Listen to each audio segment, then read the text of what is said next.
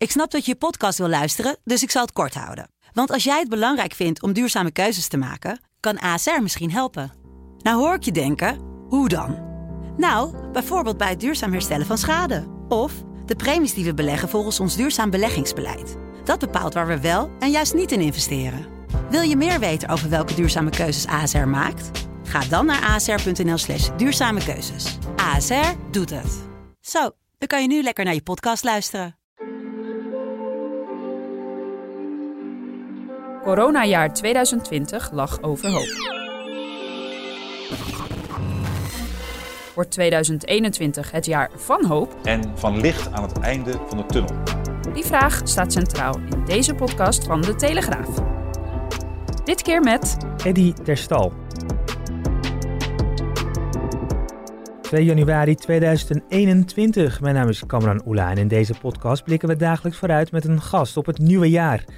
Maar niet voordat we ook uh, kort hebben teruggekeken op het jaar dat achter ons ligt. In deze aflevering filmregisseur en telegraafcolumnist Eddy Terstal. Eddy, uh, allereerst gelukkig nieuwjaar. Jij ook. Ja, het mag nog hè, die eerste, eerste week van het nieuwjaar. Ja, en, en het kan moeilijk slechter worden dan deze. Hè? Laten we optimistisch zijn. Ja, nou, we, daar gaan we het over hebben. Hoe optimistisch jij bent en, uh, en, en wat voor jaar je verwacht dat is. Wat was 2020 voor een jaar voor jou? Poeh, uh, nou een jaar voor heel veel wachten als het dan in ieder geval om film gaat en om uh, het leven weer op te starten. Ik heb al voldoende dingen gedaan, geschreven en zo, maar ik zit ook een beetje in een bubbel omdat mijn moeder is uh, 80. Dus ik kan mij niet al te veel uitstapjes permitteren, want ik heb besloten toch haar gezelschap te kunnen blijven houden. Ja, want dat lijkt me dan inderdaad ingewikkeld.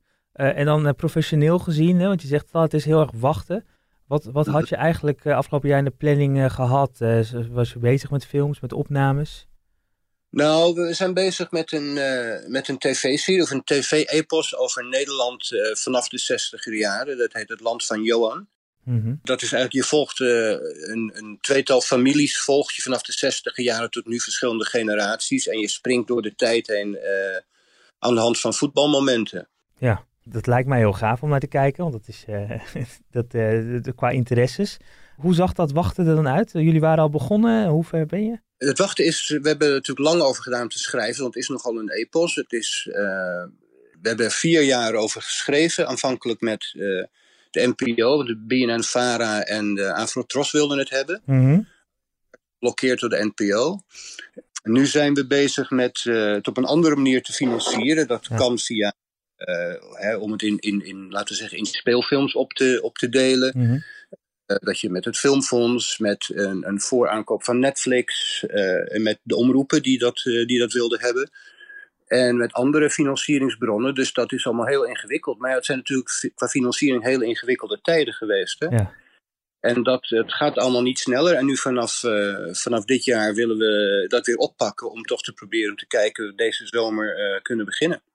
Ja, want uh, nog even, hè, die NPO die blokkeerde. Ik, ik, kan me zo herinneren dat je daar ook over opwond. Want zo werkt het dan vaak, hè, dat, uh, dat uiteindelijk moet, moet je met iets aankloppen. En dan is het de vraag of de NPO het wil. Maar het lijkt erop dat die vaak maar voor een paar regisseurs kiezen. Ja, nou het is in ieder geval zo dat de omroepen die ontwikkelen een aantal projecten. Dat hebben we eerst met Afrotros gedaan. Toen, werd het, uh, toen wilde de NPO niet meedoen. Dus ging het niet door. Toen wilde Bien en Vara wilden het graag. Die zeiden dat past bij ons sociale geschiedenis. Mm -hmm. We verder toen wilde de NPO ook niet. Hè. Die kijken dan naar een aflevering en naar uh, de samenvatting. Die gaan dus niet de scripts lezen. En die kiezen dan voor iets anders. Maar ja, we zitten nog wel met het feit dat de omroepen graag willen. En dat uh, de betrokken producenten dat graag willen. Omdat het echt, uh, ik denk dat het beste is dat ik geschreven heb tot nu toe met Erik Wunsch. Kijk. En ik denk dat het uiteindelijk wel komt. Want iedereen die het ook echt gelezen heeft, die is razend enthousiast. Maar dat is een beetje het probleem tegenwoordig. Hè. Het, wordt, het wordt op concepten en op samenvattingen beslist. En dialogen en scènes en zo, die doen er gewoon niet zo gek veel meer toe. En dat zie je ook wel een beetje aan de kwaliteit. Ja. Nou, we gaan, uh, als, als jij zegt dat het het beste is wat je geschreven hebt, dan uh, is, dat, moet dat, is dat wel heel veelbelovend. Ik kan het alleen met de dingen vergelijken die ik zelf heb uh, ja. geschreven. En ik denk wel dat dit beter is. Ik denk wel dat dit ten opzichte van Simon wel een stap verder is. En het is ook ja, langer en uitgebreider. Je hebt mm. ook meer de tijd om om je in je personages te verdiepen. En dat is het mooie van een epos of van een serie, welke vorm het dan ook krijgt. Ja. ja, dat weet je, dan kan je echt, uh, echt de personages leren kennen. En dat is heel mooi. Um, Eddie, je bent ook iemand die volgens mij uh, uh, graag contact heeft met, met mensen. Ook naar het café gaat om mensen te ontmoeten. Um, dat is natuurlijk ook wel heel gek geweest de afgelopen maanden met, met de horeca die, die dicht is. Ja, dat is, heel, uh, dat is heel jammer, omdat je moet constant een risicoafweging maken. En in de zomer was bijvoorbeeld in Amsterdam maar 1 op de 10.000 mensen besmet. Ja. Nu 1 op de, 1 op de 100 bijna. Dus ik mm -hmm. denk ten opzichte van mijn moeder en mijn oom en tante, met wie ik ook in een huis woon, die ook uh, in een kwetsbare positie zitten, kan ik me dan niet al te veel permitteren. Ik kan me af en toe bij, bij, bij vrienden langs als ja. de alleen en, en in de afgelopen dagen niet uh, grote feesten hebben gehad. Mm -hmm. Maar uh, voor de rest, ja, het gaat niet om mijn eigen. Weet je, ik heb geen onderliggend lijden en, en zo. En dan is de kans wat kleiner, of een flink wat kleiner, dat je daar uh, problemen mee krijgt. Maar aan de andere kant heb ik ook wel vrienden die het gehad hebben en die het immuunsysteem zo op hol geslagen is. Dat zijn gewoon jonge mensen. Die, uh, ja, die nu nog niet kunnen werken. Die, voor wie nu nog zeg maar, een loopje naar de supermarkt echt een zware taak is.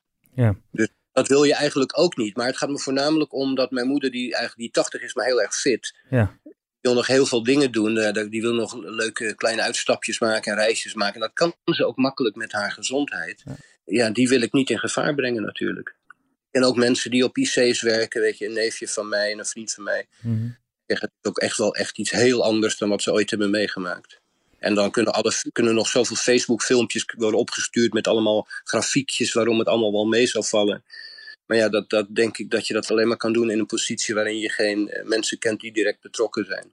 Nee, ja, precies. Um, en nu uh, is het wel het nieuwe jaar, uh, 8 januari is de datum die steeds genoemd is. Komt dat vaccin er dan aan? Ehm, kijk je daar dan ook naar uit voor bijvoorbeeld je fitte moeder? Ja, zeker. Ik ben, kijk, zodra mijn moeder een, een vaccin heeft gehad, dan uh, kan ik natuurlijk veel meer doen. Ja.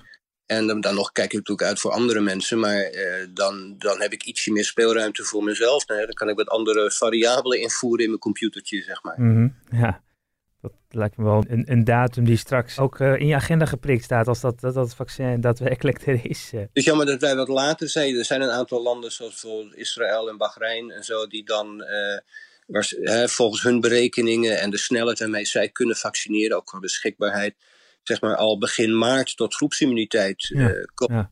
En als dat zonder al te, al te veel horrorverhalen qua bijwerkingen gebeurt, dan lijkt me dat de bereidheid zeg maar, om die route te volgen uh, ja, uh, groot genoeg zal zijn. Ik las inderdaad ergens dat op het moment dat wij beginnen, hebben in Israël alle 60-plussers al een vaccin gehad. Dat, is, ja. dat gaat dan wel rap. En 70% van de mensen um, heeft het ergens in februari gekregen. Dat betekent dat ze in de loop van de maand in principe volgens die redenering groepsimmuniteit hebben bereikt. Ja. We aan het begin al hè, dat, dat je optimistisch uh, bent. Of wil zijn vooral ook over, over komend jaar. Uh, wat, wat, voor, wat voor jaar uh, verwacht jij dat het wordt? Nou, ik denk dat op het moment dat er, dat er weer meer dingen mogelijk zijn, dat, uh, hoop, ik dat, hoop en denk ik dat mensen de, de, vrijheid en het leven wat meer gaan waarderen. En, en, en ja, dit is best wel een louterend jaar geweest voor veel mensen. Hè? Je bent toch van je eigen beperkingen bewust geworden. Hmm. Ik denk dat het in principe een, een ja, in de loop van het jaar een vrolijk jaar kan worden mits je geen persoonlijke calamiteiten tegen het lijf loopt. Nee. Wat uh, zijn ook dingen die jij, waarvan je denkt, nou, die ga ik dan inhalen komend jaar? Dat hoor je ook vaak. Hè? 2021 wordt het inhaaljaar hopelijk. Ja, mijn vrienden weer meer zien. En, en, uh, en ik wil wat moois maken. En, en uh, dus in de, in de maanden waar, waar, nog, ja, waar nog veel op slot is, de komende maanden, zullen we moeten de financiering van de serie moeten regelen. En aangezien er heel veel special effects in zitten, die, uh, die gedaan worden door Media Monks, onze partner, mm -hmm. zullen we heel veel van die shots bijvoorbeeld in, die in Amsterdam in de 60 jaren of in Rotterdam in, in, in hè, een ander decennium weer gemaakt worden. Dan moeten al die dingen moeten natuurlijk gemaakt worden zoals dat toen was. De straatbeeld, uh, de, de, de huizen, de trams uit die tijd. Weet je, dat is heel veel uitrekenen hoe je dan op de meest slimme manier die, die, zeg maar, die time machine cinema kan realiseren. Ja, als je er zo over praat, dan word ik al enthousiast van, oh ja, dan zie ik het dan helemaal voor me dat gewoon weer lekker aan de slag en met z'n allen uh, mooie dingen maken. En ja, en het moet ook een beetje verbindend zijn in de zin, weet je, we hebben elkaar, zitten elkaar uh, in de haren nu. De ene deel van het debat, die, die, die, verwijt het anderen het afnemen van de vrijheid. Hè. De mensen die strengere maatregelen willen, die denken van de mensen die er met de pet naar gegooid hebben, die heeft mijn vrijheid afgenomen. En de andere kant, degene die die Hm. maatregelen willen, die heeft mijn vrijheid afgenomen. Dus om weer tot een land te komen, dat, dat, dat, eh, nou, dat, dat vergt eventjes. Maar ik hoop dat we dat vergevingsgezind kunnen zijn dan. Ja, denk je dat we dat nog kunnen? Zijn we dat niet verleerd? Nou, ik, ik, ik, ik hoop het, weet je. Want er zijn heel veel mensen met wie ik het in principe, ja, in principe heel goed kan vinden. Maar bij wie ik op politiek niveau of op, op niveau van, van hè, dat hele, met de COVID-crisis het totaal van mening verschil.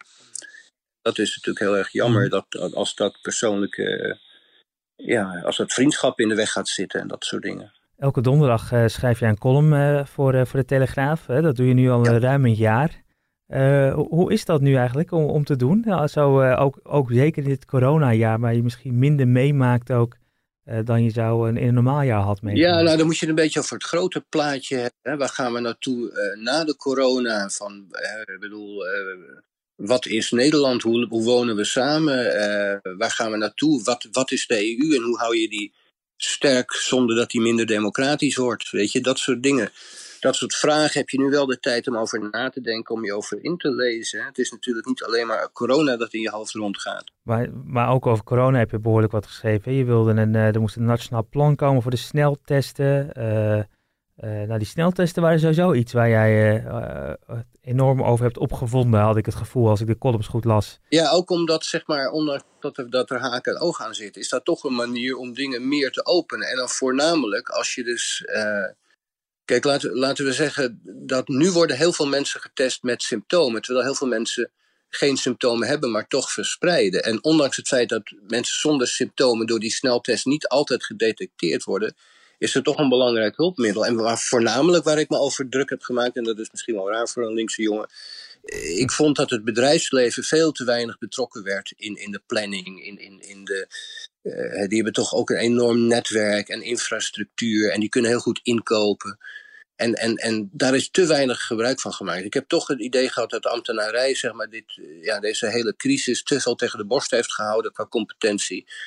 En, en daar heb ik me echt over opgewonden. Dus weet je, we hebben, we hebben bedrijven die daar echt uh, heel snel kunnen opereren met wereldwijde netwerken. En die, zijn, die hebben geregeld op de deur geklopt, maar die zijn veel te weinig betrokken. En dat zie je nu ook weer. Hè. Nu, moet je, nu moet je zeg maar, wat, wat met vaccins betreft, je moet gewoon een, een goed plan hebben om het, om het uit te rollen. Dat, dat, nou, dat vergt organisatievermogen. En dat heeft het bedrijfsleven. Reken maar dat Unilever en de Jumbo en Ahold, dat die daar een belangrijke rol hadden kunnen spelen en nog steeds kunnen spelen. Ja, het is wel grappig omdat jij nu zegt, hè, dat is misschien een beetje gek voor een uh, linkse jongen. Want je, je laatste uh, column van het jaar 2020, uh, daar laten we toch echt in dat links lijkt wel op weg naar het museum. Ja, is er nog ja, een toekomst van jongens? dat is zorgelijk. Want ik vind, kijk, zeker in de tijden waarin economisch klappen vallen en de, de zwakkeren het nog moeilijker gaan krijgen, ja, vrees ik dat links, en dat zie ik om me heen, toch een beetje een reservaat wordt van rijke blanke mensen.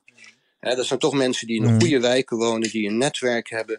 En wat ik zorgelijk vind, is dat, laten we zeggen, wit en zwart Nederland toch wel tegen elkaar op de Amerikaanse manier worden uitgespeeld.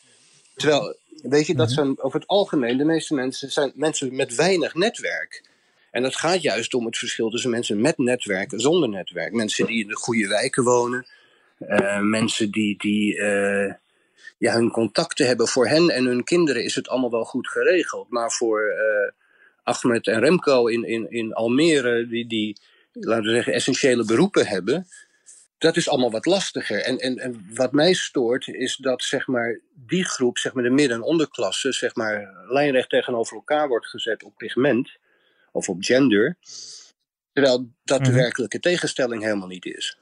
Daar gaan we ongetwijfeld komend jaar veel meer over lezen in jouw uh, wekelijkse column. Want je blijft gewoon natuurlijk schrijven voor, uh, voor de Telegraaf. Dat in ieder geval uh, sowieso in 2021. Binnen dus mijn huur kan betaald worden volgend jaar. Kijk, dat scheelt. eh.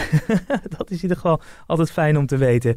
Um, tot slot, wat hoop jij voor het nieuwe jaar? Dat is een beetje een soort laatste vraag die we iedereen stellen. De, de hoop voor 2021. Dat het in ieder geval los van dat we een heel goed EK moeten spelen.